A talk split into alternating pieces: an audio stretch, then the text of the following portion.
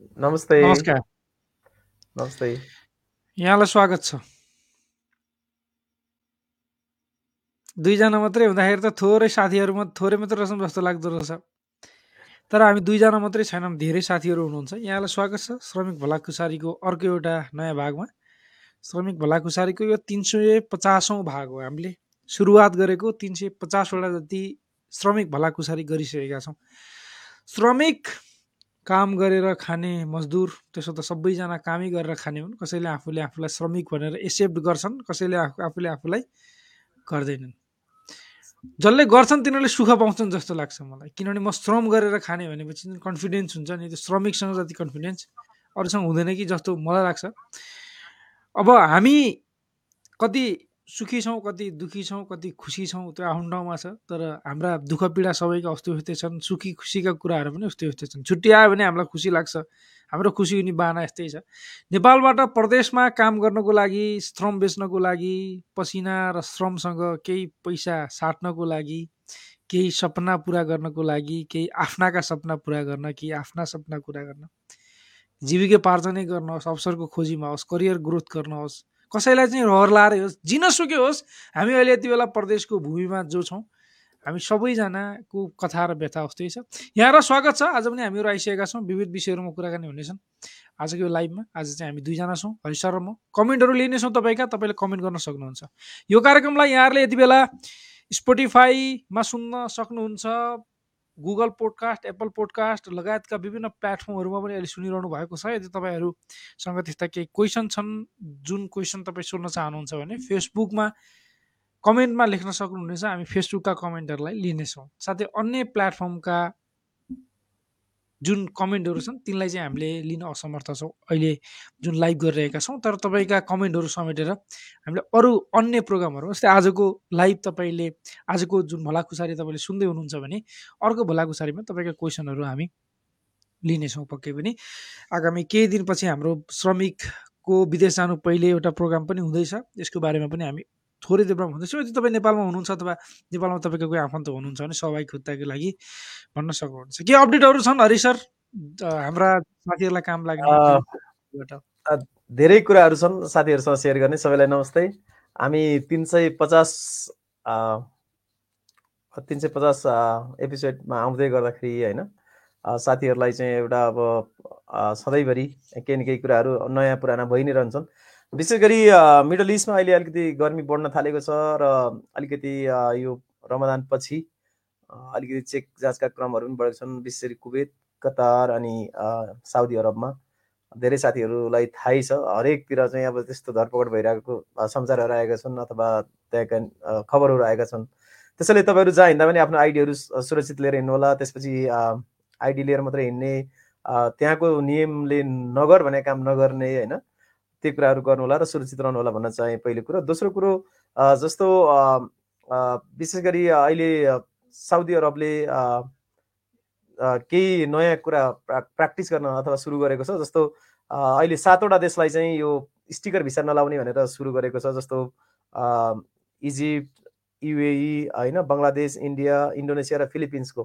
यो देशका मान्छेहरूको चाहिँ भिसामा स्टिकर नलाउने भनेर भनेको छ। यहाँ चाहिँ क्युआर सिस्टम अथवा त्यो इलेक्ट्रिक भिसा बनाउने अथवा त्यो अका अकामामा त्यसलाई मिलाउने होला। हुन त कुवेत र युएमा योभन्दा पहिल्यै स्मार्ट कार्ड कतारमा आइसकेको छ होइन? यो पनि एउटा राम्रै हो किनकि तपाईँ हाम्रो जुन पासपोर्टको पाना बच्छ है ठिकै हो। अनि अर्को कुरा चाहिँ जस्तो धेरै साथीहरूको अहिले देखिएको विशेष गरी साउदी अरब र मलेसियामा अलिकति जाने अनि त्यहाँबाट अलिकति त्यहाँ भने जस्तो काम नपाउने अथवा काम पनि भने जस्तो भन्दा पनि कामै नपाएको केही केसहरू आएका छन्। यो हप्ता धेरै नै आएको छ साउदी अरबबाट दुई तिनवटा होइन? मलेसियाबाट पनि ठुल्ठुला दुई तिनवटा केसहरू आएका छन्। अनि अझै ठुलो कुरा घरेलु कामदामा स्टिल मान्छेहरू गइरहेको आज पनि मैले नेपालको कान्तिपुरबाटै पनि समाचार हेरिरहेको थिएँ। कति मान्छेहरू चाहिँ जस्तो हाउसमेट त नेपाल सरकारले रोकेको छ तर स्टिल हाउसमेटहरू गइरहनु भएको छ समस्या परिरहनु भएको छ उद्धार गर्ने गरिरहेका छन् होइन? यस्तो प्रक्रियाहरू भइरहेको छ। यस्ता कुराहरूलाई चाहिँ अलिकति नेपाल सरकारले अथवा रेगुलरिटी बढी हुन्छ नि त्यो बढीले अलिक सिरियस रूपमा हेरिदिनु पाएदेखि कि पठाउँदै नपठाउने पठायो भने एटलिस्ट श्रम गरेर सुरक्षितसँग पठाउनु पाएदेखि राम्रो हुन्थ्यो जस्तो लाग्छ मलाई चाहिँ। यही कुराहरूमा हामी डिस्कस गरौँला सर। अरू खासै त्यस्तो धेरै इम्पोर्टेन्ट अरू इन्फर्मेसन त छैन। तर नेपाल सरकारले जुन एउटा पा दुईवटा मोबाइल ल्याउनु पाउने भनेर हिजो मन्त्री परिषदको निर्णय गरेको भनेर चाहिँ जुन एनाउन्स गरेको थियो म त के के न होला भनेर होइन? अनि आज आज दिउँसो होइन कुरा गरौँला। एकछिनमा कुरा ल ठिक छ। हस्। हामी मलेसिया मलेसिया भन्न छ हामी विदेशमा अलि धेरै साथीहरू पनि हुनुहुन्छ एकैछिनमा हामी कुराकानी गरौँला। हरि सरलाई म हरि सरसँग छ त्यसको जानकारी एकदम प्रपर रूपमा जति छ। अबदेखि दुईवटा मोबाइल लान पाइने ल्याउन पाइने लान पाइने भन्नु नेपालमा बसेर भन्दा ल्याउन पाइने बाहिरबाट भन्दा लान पाइने। होइन नेपालमा भन्सार तिर्नु नपर्ने दुईवटा मोबाइलको भन्ने जुन एउटा कुरा छ। अब हामी अर्को एउटा जानकारी दिन गइरहेका छौँ तपाईँलाई युएको यो जानकारी। यदि तपाईँ युएमा पासपोर्टको लागि इनरोलमेन्ट दिएर बसिरहनु भएको थियो भने दुई हजारभन्दा बढी पासपोर्टहरू तपाईँका आएर बसेका छन् एम्बेसीमा। तपाईँ गएर लिन सक्नुहुन्छ भनेर एम्बेसीबाट एउटा सूचना निकालिएको छ। तपाईँले तपाईँको पासपोर्ट आएको छ कि छैन? तपाईँको पासपोर्ट त्यहाँ छ कि छैन? भनेर कसरी हेर्ने भन्ने चाहिँ म तपाईँलाई देखाउन गइरहेको छु यति बेला। म स्क्रिन सेयर गरेर देखाउँछु है सर। ओके। म तपाईँलाई अहिले देखाउँदैछु स्क्रिन सेयर गर्छु। स्क्रिन सेयर गर्नलाई म गएँ कहाँनिर भन्दा यहाँ गएँ। ओके त्यसपछि यहाँ गएर मैले स्क्रिन सेयर गरेँ। ओके। कतिपय साथीहरूको आएको हुनसक्छ तर तपाईँहरू नजानु भएको हुनसक्छ नदेख्नु भएको हुनसक्छ। यहाँ जानुहोस्। यही Nepal embassy dot GOV dot NP यो वेबसाइट हो ठ्याक्क। गुगलमा खोज्दा पनि भयो डाइरेक्ट त्यहाँ खोज्दाखेरि पनि भयो। तपाईँको पासपोर्ट बनेर आयो कि आएन भनेर हेर्नुको लागि। त्यसपछि तपाईँ यहाँनिर साइडमा यहाँनिर यो नोटिस भन्ने एउटा अप्सन छ।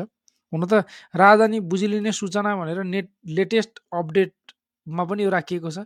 यसमा जस्तो कि यस राजदूत राजदूतावासमा वितरणका लागि तयार भइआएका दुई हजारभन्दा बढी सङ्ख्यामा रहेका राजधानी लिन सम्बन्धित व्यक्तिहरू नआएकोले दूतावासको वेबसाइट तथा फेसबुक पेज मार्फत वितरणका लागि सूचित गरिएको सबैको आवेदनको यो राजधानी तत्कालै बुझिलिनु हुन जानकारी गराइन्छ भनेर यहाँ राजदूतावासले भनेको छ।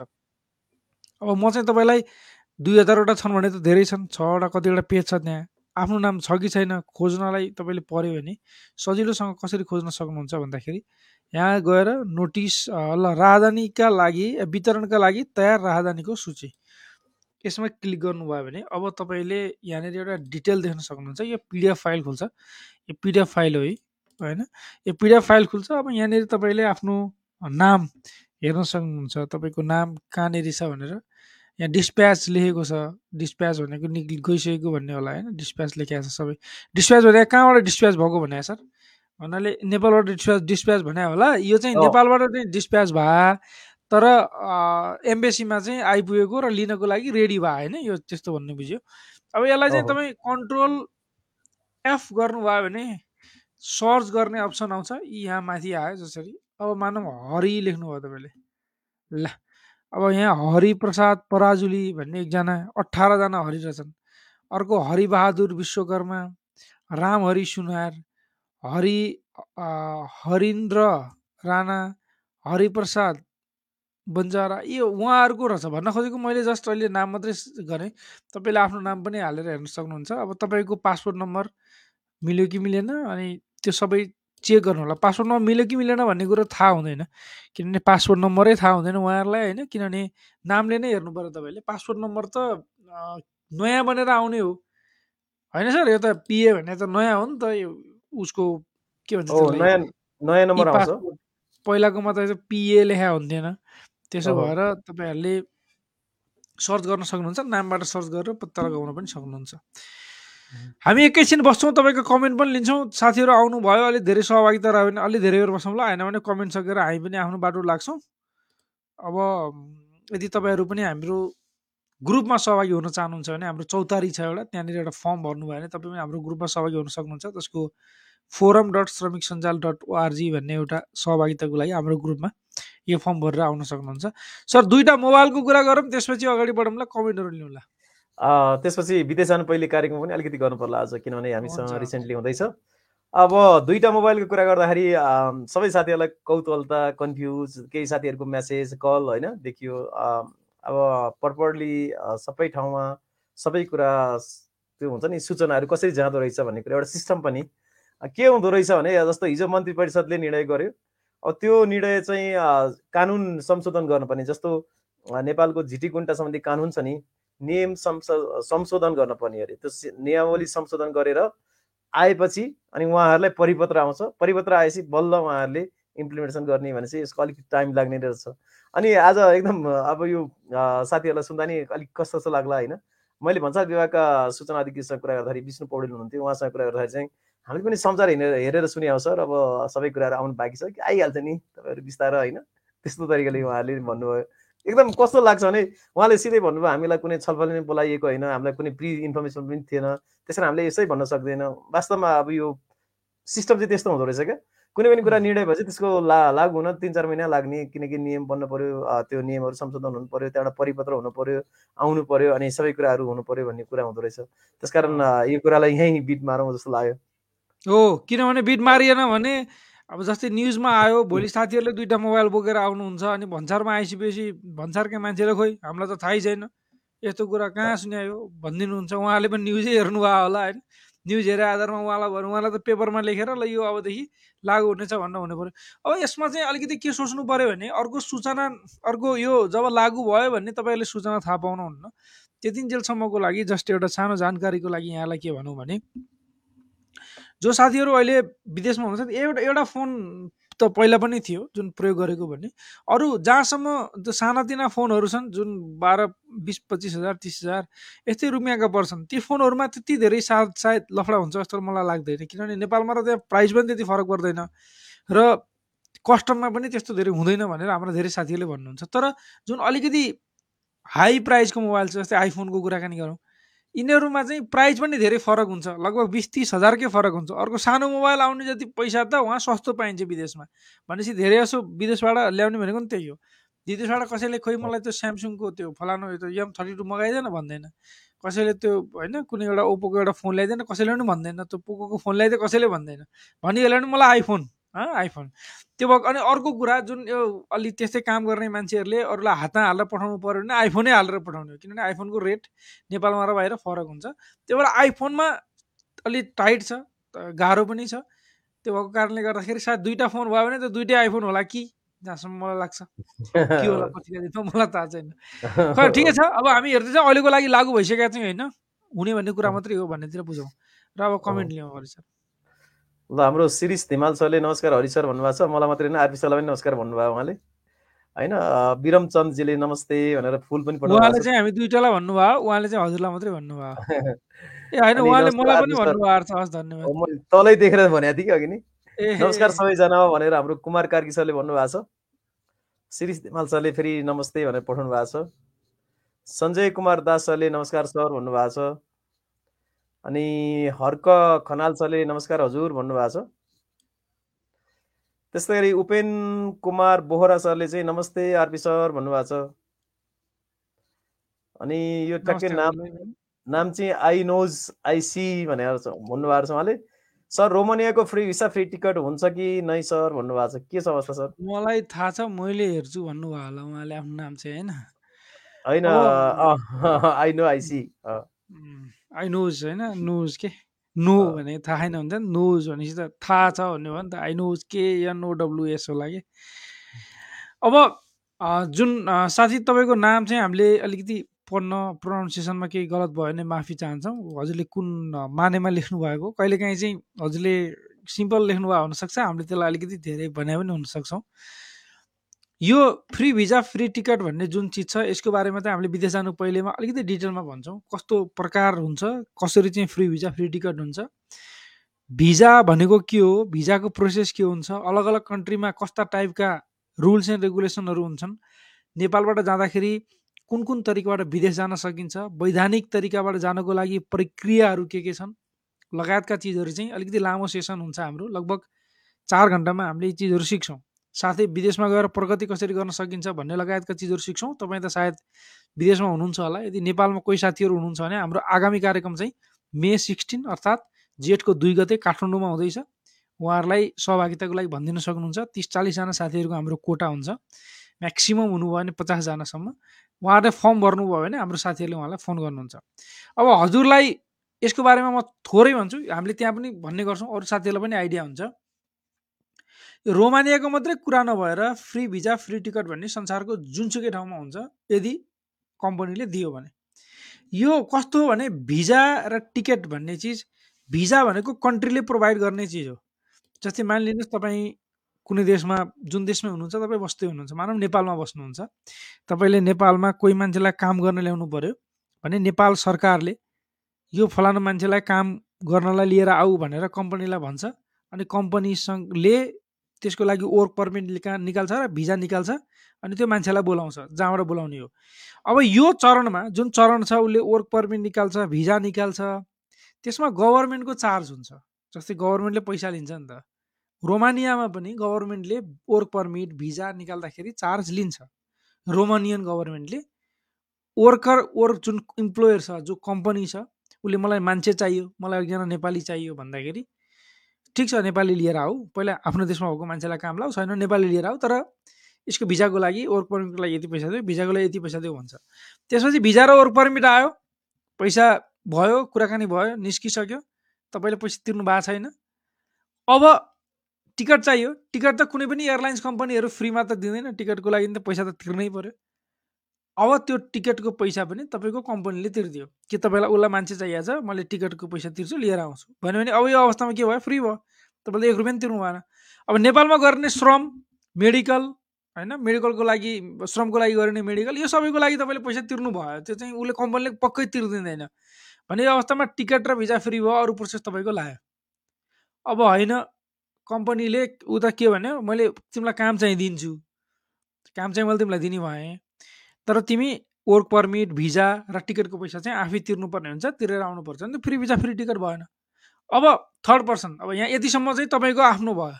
अब यति पनि भएन भइदियो के भने तपाईँले आफै जब खोज्न सक्नु भएन आफैले खोज्नु भएको छैन अरूले जब लिएर आइदियो तपाईँको लागि। अर्को जब लिएर आइदियो वर्क पर्मिट भिजा टिकटको लागि टोटल पैसा लाग्थ्यो डेढ लाख रुपियाँ या दुई लाख रुपियाँ टोटल्ली मिलाएर। टिकट एक लाख लाग्ला वर्क पर्मिटको लागि पचास हजार लाग्ला या त्यस्तै होला अब भिजाको लागि चालिस पचास हजार त्यस्तै हुन्छ नर्मल्ली रोमानियाको हेर्नै पर्छ कति छ। अनि तपाईँलाई जसले ल्याइदिएको हो एकदम क्लियर भन्दैछु जसले काम खोजेर तपाईँलाई खोजिदियो जसले काम ल्याइदियो जसलाई हामी एजेन्ट भन्छौँ अथवा अलिकति दलाल भन्छौँ या मेन पावर एजेन्सी या जोसुकै होस् एउटा जो मध्यस्थकर्ता छ उसले अब तपाईँलाई तपाईँको लाग्ने खर्च उता लाग्ने खर्च पनि उसले तिर्दिएला सायद। र तपाईँसँग उसले दस लाख पन्ध्र लाख बिस लाख उसले जति सक्छ तपाईँले जति दिन सक्नुहुन्छ उसले जति लिन सक्छ त्यति लियो। भनेदेखि अब अवस्थामा के भयो? तपाईँले विदेश जानको लागि पैसा तिर्नु भयो कति? यति तिरेर जाने यति तिरेपछि विदेश जान पाइँदो रहेछ भन्ने तपाईँको मनमा भयो।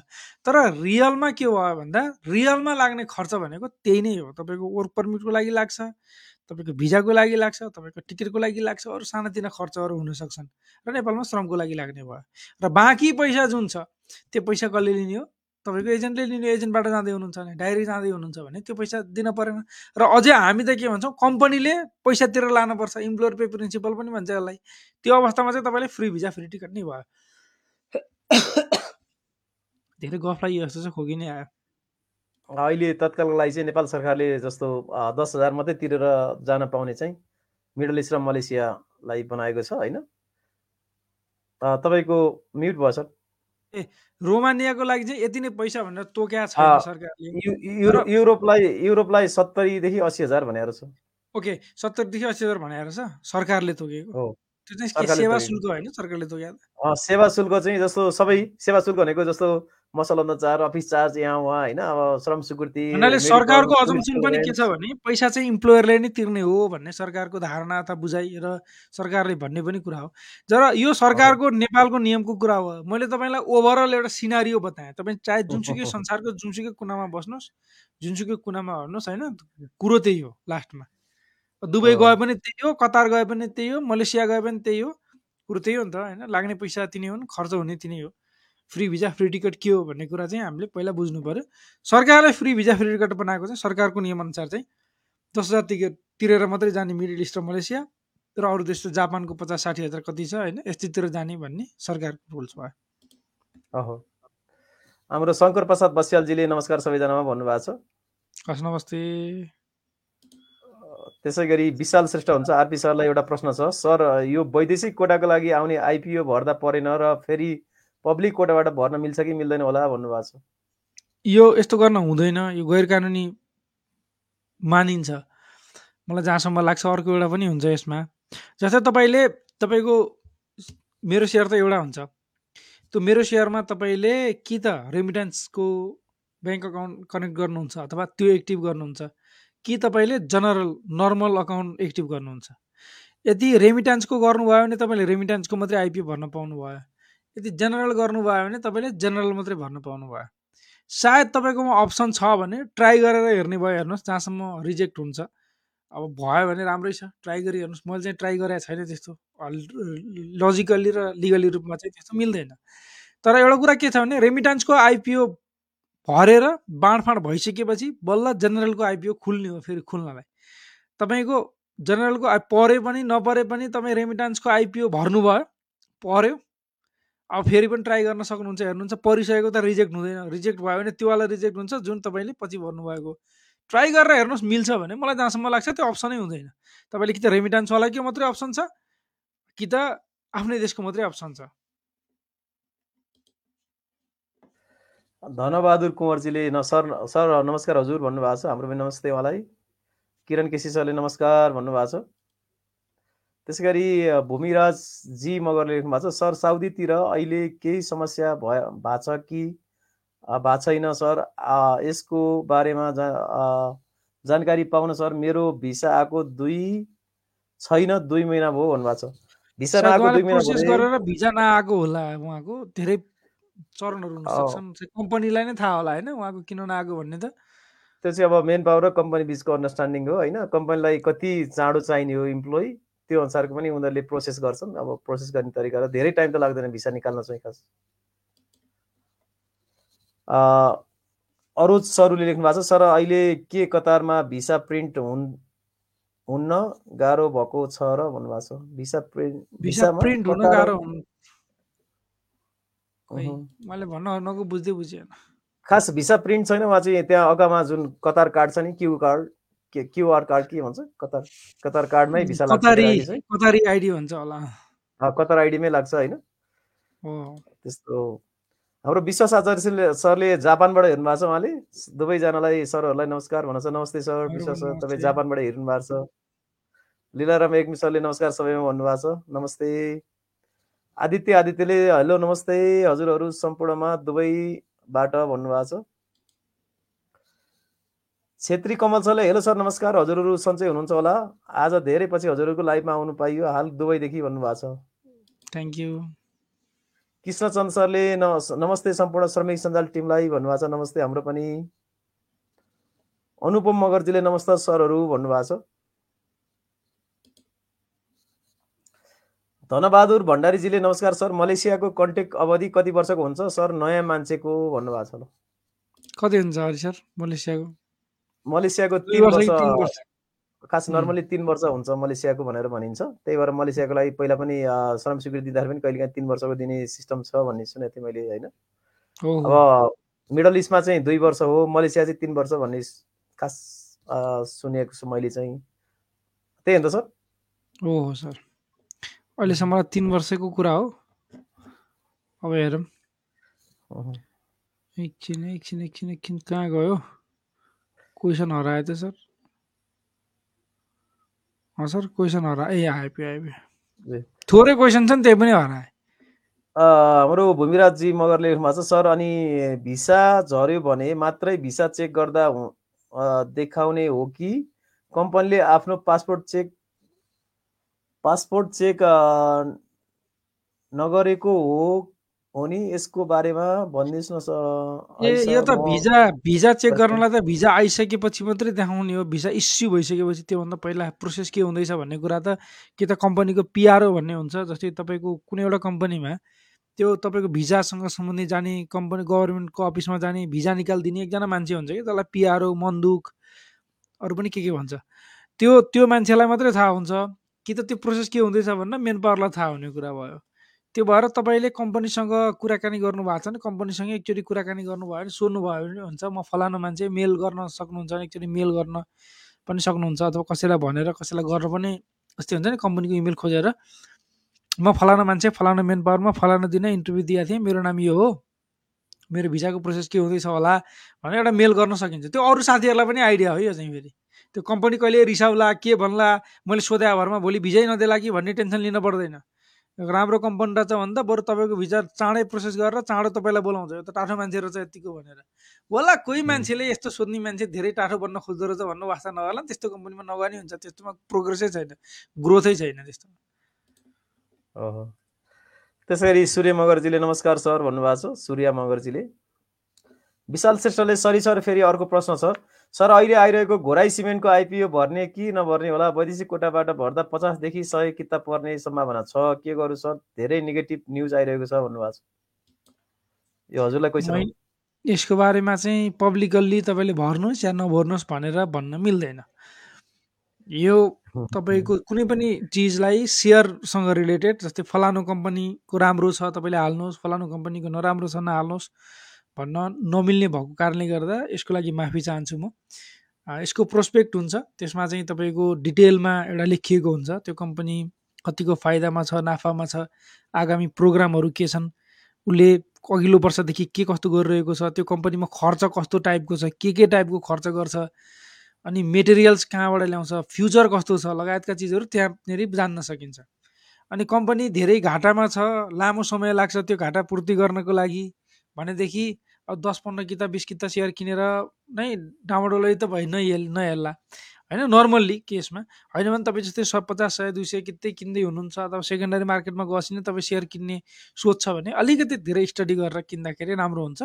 त्यसैले यो पर्टिकुलर एउटा कम्पनीको यसमा सेयर हाल्नुहोस् यसमा सेयर भन्नुहुन्छ हुँदैन भनेर त्यो भन्न नसकेकोमा म माफी चाहन्छु तपाईँलाई। भन्न मिल्दैन त्यो त्यो भएको कारणले गर्दा। गोपाल सुनवारजीले नमस्ते सर हजुर भन्नुभएको छ। एलबी पोखरा सर लेख्नु भएको छ। नमस्कार तपाईँहरूलाई मेरो जिज्ञासा सेयर सम्बन्धी छ। मेरो डिम्याट खाता छ। यो वैदेशिक रोजगारमा रहेकाहरूलाई छुट्याएको आई आइपिओ बा बाहिरबाट भर्ने अप्सन आएन। मेरो सेयरमा कसरी होला अथवा घरमा भएकाहरूले भर्न मिल्छ कि नै मिल्ने भए के के गर्नुपर्ने होला भन्नुभएको छ। यो यस्तो छ। सर एलबिजी तपाईँको के छ भने जुन मेरो सेयर छ तपाईँको जिज्ञासा जुन डिम्याट खाताको मेरो डिम्याट खाता छ त्यसलाई चाहिँ तपाईँले मेरो सेयरमा चलाउनुहुन्छ नम्बर वान सही?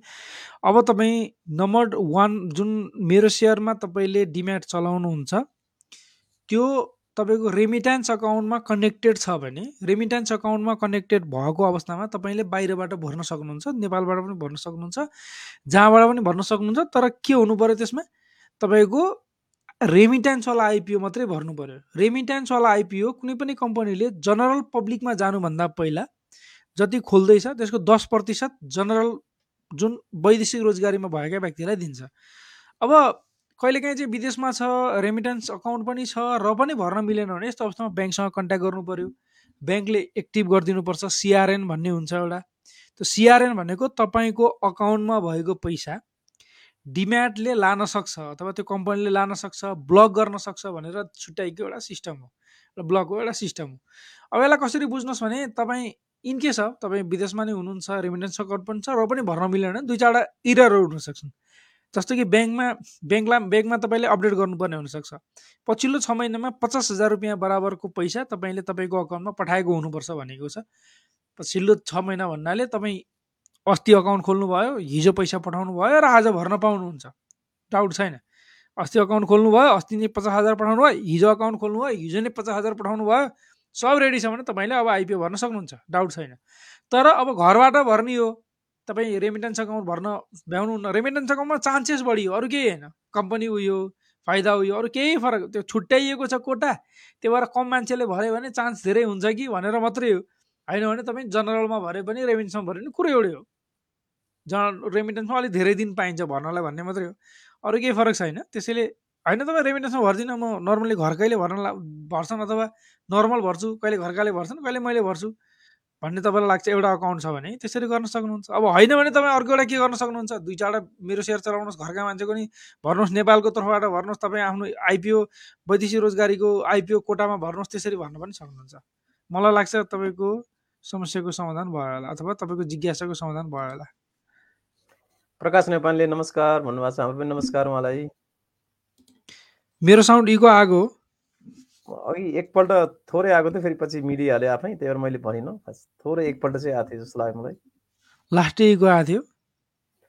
थोरै आएको थियो एकपटक तर फेरि त्यो मिलिगयो मैले कुरै गरिनँ। भूमिराज भूमिराज जी मगरजीले गुड सर भन्नुभएको छ थ्याङ्क यू अनि कृष्णचन्द्रजीले अहिले दुई वर्ष बनाएको छ सर कन्ट्याक्ट मलेसियाको लागि भन्नुभएको छ ल। थ्याङ्क यू सो मच सायद उहाँले जेन्युन तरिकाले जानकारी दिनुभएको होला। हामीलाई पनि थाहा नभएको। हामीले तिन वर्षै भन्ने सोचिरहेको रहेछ है सर। माफ। गर्नु होला यो सायद हामीलाई त्यो ठ्याक्कै त्यो ट्याक्कै इन्फर्मेसन नपाइसकेर होला। त्यो पनि हरिसरले यसको बारेमा पुरै इन्फर्मेसन भोलि अलिक बुझेर हामीले फेसबुकमा पनि पोस्ट गरौँ न नभए। हस्। भूमिराज मगर सरले सर अनि साउदीको लागि म स्काभेटर अपरेटरको लागि जान लागेको हो। है तर मलाई दुई लाख लाग्छ भनेको छ अनि त्योभन्दा कम पैसा लाग्छ कि नै भन्नुभएको छ? तपाईँलाई हामी के भन्छौँ भने भूमि भूमिराजजी तपाईँ काठमाडौँमा हुनुहुन्छ भने हाम्रो एउटा प्रोग्राम हुँदैछ। तपाईँले त अहिले हेर्दै हुनुहुन्छ पक्कै सुरुदेखि कमेन्टहरू गर्दै आउनु भएको छ। तपाईँको कमेन्ट हामीले लिएका पनि छौँ त्यो भएर पनि हेर्नुहुन्छ भन्ने लाग्छ। तपाईँ हाम्रो एउटा प्रोग्राम हुँदैछ काठमाडौँमा। तपाईँ एउटा फर्म छ त्यो फर्म भर्नु होला। त्यो फर्म भर्नुभयो भने तपाईँलाई हाम्रो साथीहरूले फोन गर्नुहुनेछ सिट कन्फर्मेसनको लागि। त्यहाँ आउनुभयो भने हामी दुईजना मात्रै होइन। त्यहाँ त अरू खुखार खुखार मान्छेहरू हुनुहुन्छ हाम्रो साथीहरू। विदेशमै बस्ने साथी पनि त्यहाँ जोडिनुहुन्छ। मध्यपूर्व या मलेसिया कुनै एउटा देशमा रस बस्ने साथी डाइरेक्ट त्यहाँबाट कन्ट्याक्ट गर्नुहुन्छ कुराकानी गर्नुहुन्छ। तपाईँले उहाँसँग पनि क्वेसन सोध्न सक्नुहुन्छ। हामी यहाँ जति पनि साथीहरू छौँ विभिन्न देशहरूमा काम गरेर आउनुभएका साथीहरू कोही छुट्टीमा आउनुभएका साथीहरू हुनुहुन्छ उहाँसँग क्वेसन सोध्न सक्नुहुन्छ। तपाईँको लागेको जिज्ञासा अरू पनि हुनसक्छन् यो मात्र नभएर अरू साथीहरूको लागि पनि। काठमाडौँभन्दा बाहिर हुनुहुन्छ भने त पैसा खर्च गरेर आउनु परेन। त्यो ट्रेनिङ एकदम फ्रीमा हो। तपाईँको जान आउनलाई बस भाडा चाहिँ लाग्छ। रिङ रोडमै पर्छ हाम्रो जुन भेन्यू छ त्यसमा फोनबाट हामी मान्छेको आधारमा फोनबाट जानकारी गराउँछौँ। भनेको तपाईँको खर्च भनेको तपाईँ काठमाडौँको तपाईँको लोकेसन कहाँ हो? त्यसको हिसाबले बिस पच्चिस पचास रुपियाँ तपाईँको खर्च लाग्ला सय रुपियाँ। तपाईँको खर्च हामीलाई दिनु पर्दैन तर तपाईँले फ्रीमा धेरै चिजहरू सिक्न सक्नुहुन्छ। त्यो चाहिँ हाम्रो हाम्रा साथीहरूको हाम्रा श्रमिक साथीहरूले आफ्नो कम्युनिटीमा अरू श्रमिक साथीहरूलाई गर्नुभएको एउटा कन्ट्रिब्युसन हो। त्यो कारणले गर्दाखेरि तपाईँ आउन सक्नुहुन्छ। त्यहाँ आउनु भने धेरै कुरा बुझ्नुहुन्छ। अब हामीले यहाँ भनेर अलिकति लामो हुन्छ साध्य पनि हुँदैन। है थ्याङ्क यू सो मच अरू भनेको आजलाई यति नै गरौँ होला जस्तो लाग्यो मलाई। लास्टमा दुईवटा कमेन्ट आएको छ एकजना अनु अनुपम मगरजीले हाम्रो गोपाल सुनारजीले चाहिँ म लोडर अपरेटर हो क्यानाडाको डिमान्ड कतिको छ वर्किङ भिसामा को लागि लागि कति लाग्छ लागत भन्नुभएको छ। यो क्यानाडा बारेमा ठ्याक्कै हामीलाई थाहा भएन तपाईँ नेपालबाट गर्ने हो कि कहाँबाट गर्ने हो होइन? ठ्याक्कै चाहिँ थाहा भएन है सर। अनि हाम्रो अनुप मगरजीले यो दोस्रो क्वेसन उहाँको रोमानिया जानको लागि कति पैसा लाग्छ होला सर भन्नुभएको छ। रोमानिया जान नेपाल सरकारको चार्ज भनेको सत्तरीदेखि असी हजार हो। अब तिर्नलाई चाहिँ पाँचदेखि साढे पाँच छ लाखसम्म तिरेको साथीहरू मैले भेटेको छु। अरू चाहिँ अब तपाईँले अब कति तपाईँले के भन्छ? र रोमानियामा अझ एउटा कुरा तपाईँलाई भन्न बिर्सिहालेँ। तपाईँ कोही दाजुभाइ अथवा गाउँले हुनुहुन्छ भने एक वर्षमा एकजनालाई एउटा कम्पनीले एउटा भिसा दिँदो रहेछ। ए पक्का हो? मैले सुनेको एकदम पक्का? राम्रो कम्पनी पऱ्यो भने अनि। त्यो चाहिँ अब तपाईँको मान्छेले तपाईँलाई फ्रीमा पनि दिन सक्यो नि त। बडा राम्रो। गभर्मेन्टको रुल चाहिँ त्यस्तो सर दिन त्यस्तो त होइन अब त्यस्तो त होइन कम्पनीले मान्छे चाहियो भने उनीहरूले चाहिँ भन्नाले कम्पनीले मान्छे चाहियो भने गभर्मेन्टले त्यो रुल्सको हिसाबले यो यो मान्छेको मान्छे छ रिकमेन्डेसनमा ल्याउन पाउँछस् भन्न पा हो। भन्यो त्यो कस्तो कोटा हुने भयो कोटा कोटा। जस्तो। ए मजा म राम्रो इम्प्लोइ छु भने होइन म राम्रो इम्प्लोइ छ भने ल तेरो कोही मान्छे छ भने ले भनेर टक्क होइन पेपरहरू लिने यताउति गर्ने कोही छ भने त्यसो भने त्यसो भने आफन्त। बनाउनु पर्यो रोमानिया भन्ने मान्छेहरूलाई अब मेसेन्जर र फेसबुकमा खोज्न थाल्नु पर्यो भन्नु। होला साथीहरूले। खैर ठिक छ। यो यति नै लाग्छ भन्ने भन्दा पनि ठ्याक्क अब सरकारले तोकेको कुरा र हाम्रो फ्री भिजा फ्री टिकट। कसरी हुनसक्छ भन्ने पनि कुराकानी गऱ्यौँ।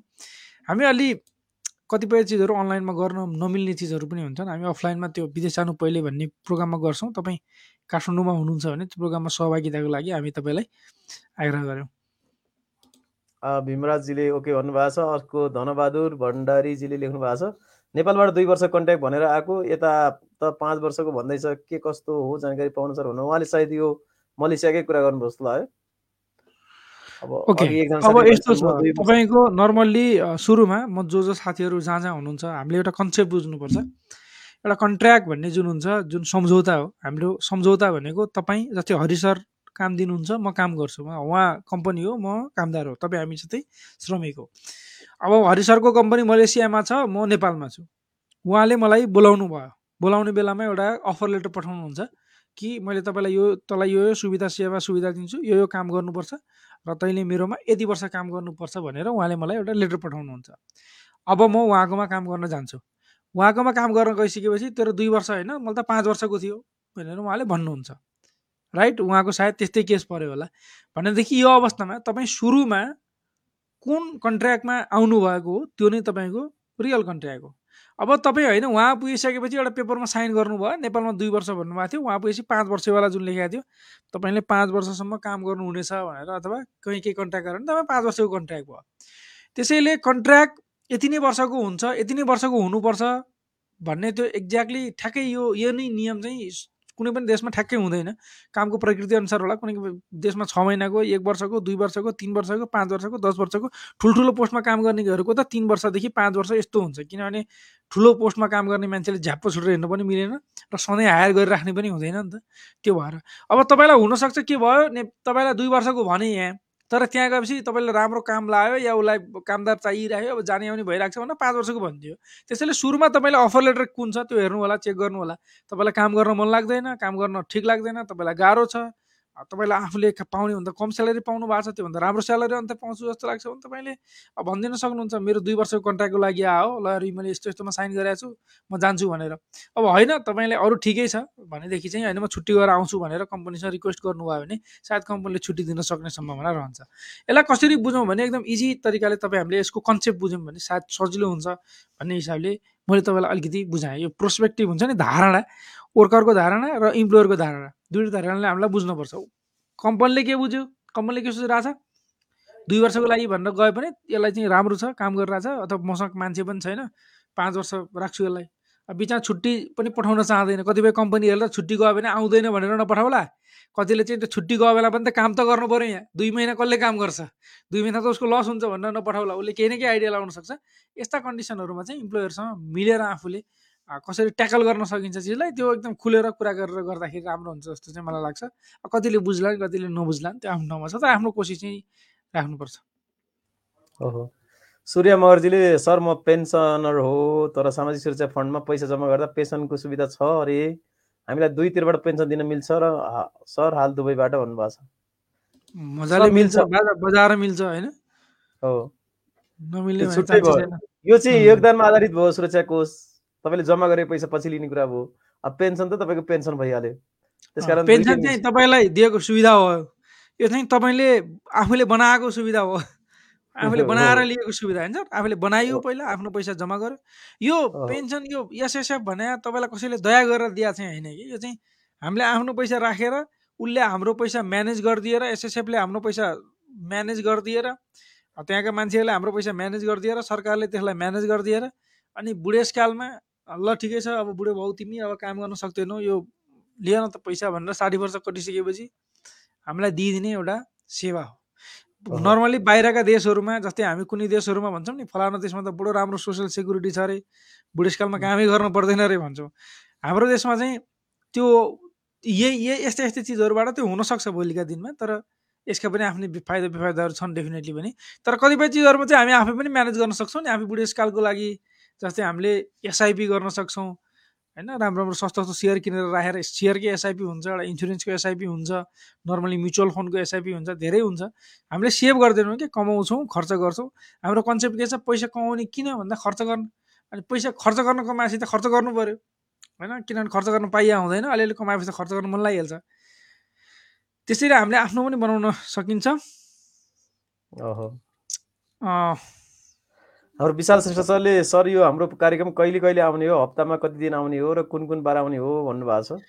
आज नयाँ साथीहरू धेरै हुनुहुन्छ र हाम्रा पुरानो साथीहरू धेरै हुनुहुन्न। एकजना साथी मात्रै पुरानो हुनुहुन्छ जस्तो लाग्यो। उहाँको कमेन्ट हामी लिनेछ हामी बुधबार बेलुका नेपालको समयअनुसार नौ बजीदेखि साढे नौ बजीभित्र कार्यक्रम सुरु गर्छौँ। आजभोलि पहिला दस बजे गर्थ्यौँ।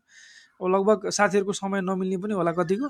अनि हामी अलपत्र पऱ्यौँ कि जस्तो लाग्यो बिच बिचमा पहिला दस बजे गर्थ्यौँ। ल एउटा कमेन्ट लियौँ। त्यसपछि आजको कार्यक्रम सकिन्छ।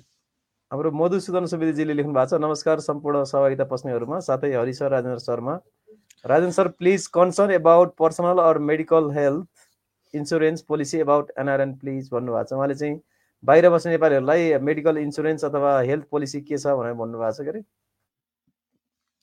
अब यसको बारेमा त अब अहिले ठ्याक्कै यही बाहिर बस्नेलाई यस्तो छ भन्ने त छैन है। सर छैन छैन। छैन त्यस्तो।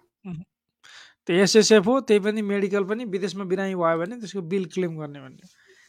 तर यसको बारेमा कुरा चाहिँ उठाउनु पर्छ जस्तो लाग्छ हामीलाई।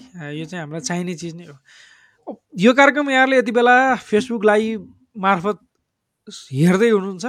हामी दुईजनाको अनुहार भने तपाईँले Spotify anchor FM Google FM sorry Google podcast Apple podcast लगायतका विभिन्न प्लेटफर्महरूबाट लगभग सोह्रवटा प्लेटफर्महरूबाट पोडकास्टको थ्रुबाट तपाईँले हामीलाई यति बेला सुन्दै पनि हुनुहुन्छ। कहाँ हुनुहुन्छ लेख्नु होला? कस्तो छ तपाईँको जिन्दगी? कसरी चलिरहेको छ लेख्नु होला? हामीले श्रमिक साथीहरूलाई समेटेर श्रमिकलाई काम गर्ने लाग्ने विभिन्न इन्फर्मेसनहरू तपाईँसँग सेयर गर्छौँ। श्रमिक सञ्जाल प्रदेशमा काम गर्ने नेपाली श्रमिकहरूको एउटा साझा चौतारी हो। हामीले एउटा चौतारी पनि बनाएका छौँ। जुन चौतारीमा तपाईँ पनि आएर शीतल ताप्न सक्नुहुन्छ आफ्ना कुराहरू सेयर गर्न सक्नुहुन्छ तपाईँलाई मनमा लागेको कुराहरू सोध्न सक्नुहुन्छ। तपाईँ के अप्ठ्यारोमा हुनुहुन्छ तपाईँका साथीको अप्ठ्यारोमा छन् भनेदेखि सहयोगको लागि अपिल पनि गर्न सक्नुहुन्छ। सहयोग भन्नाले अप्ठ्यारोमा परेकोबाट निस्कनको लागि सहयोग त्यसको लागि हाम्रो चौतारीमा सहभागिता जनाउनको लागि तपाईँले फोरम डट श्रमिक सञ्जाल डट ओआरजीमा आफ साइनअप गर्नु होला सुरुमा साइनअप गरिसकेपछि इमेल र तपाईँको फोन नम्बर मात्रै राखेको हुन्छ तर तपाईँ नेक्स्ट स्टेपमा गइसकेपछि एउटा विन्डो खुल्छ त्यहाँ अलिकति डिटेल राख्नुपर्ने हुन्छ। त्यो डिटेल तपाईँले पन्ध्र दिनभित्र राख्नुपर्ने हुन्छ। पन्ध्र दिनभित्र राख्नु भएन भने तपाईँको अटोमेटिक अकाउन्ट क्यान्सल हुन्छ डिलिट हुन्छ। यदि पन्ध्र दिनभित्र तपाईँले राख्ने कि नराख्ने भनेर डिसाइड गर्न सक्नु भएन भने त्यो चौतारीभित्र कस्ता कस्ता मान्छे आउँछन् के के कुरा सेयर गर्छन् के के लेख्छन् भनेर हेर्न सक्नुहुन्छ। बस तपाईँले चौतारीमा आउने मान्छेहरूको गुदी थाहा पाउनु हुँदैन। मतलब कहाँबाट आउनुभयो के गर्नुहुन्छ को को? उहाँको प्रोफाइल चाहिँ तपाईँलाई थाहा हुँदैन त्यो चौतारीमा बस्ने साथीहरूको। तर तपाईँले आफ्नो फुल प्रोफाइल भरिसकेपछि हाम्रो चौतारीभित्रै बस्ने साथीहरूले त्यसलाई अप्रुभ गर्नुहुन्छ। उहाँ साथी जेन्युन हो सही हो उहाँ आउन चाहनुहुन्छ हाम्रो चौतारीमा बस्न चाहनुहुन्छ भनिसकेपछि अब हामीले तपाईँलाई चौतारीमा प्रवेश दिन्छौँ। अब तपाईँ चौतारीमा छिरिसकेपछि जो जोसँग जे जे कुरा गर्न मन लाग्छ जो जोको प्रोफाइल हेर्न मन लाग्छ आफूलाई मनमा लागेको कुरा सेयर गर्न मन लाग्छ सबै चिज गर्न सक्नुहुन्छ। तपाईँलाई पनि हाम्रो चौतारीमा स्वागत छ। यदि तपाईँ हाम्रो चौतारीमा आवद्धता जनाउन चाहनुहुन्छ भने। बडो अचम्मको लाग्न सक्छ। यो प्रदेशमा बस्ने नेपालीहरूको लागि मात्रै तयार पारिएको एउटा चौतारी हो। नेपालमा हुनु फर्केर आइसकेपछि पनि तपाईँ काम त लाग्छ तर जो साथीहरू प्रदेशमा हुनुहुन्छ उहाँहरूको लागि धेरै काम लाग्छ। आजको लागि छुट्टियौँ होला। के भन्नुहुन्छ? यति भन्दै जो जहाँ जसरी रहनु भएको छ सुरक्षित रहनु होला हस्त नमस्ते। आफ्नो ख्याल राख्नु होला। नमस्ते। हस्त नमस्ते।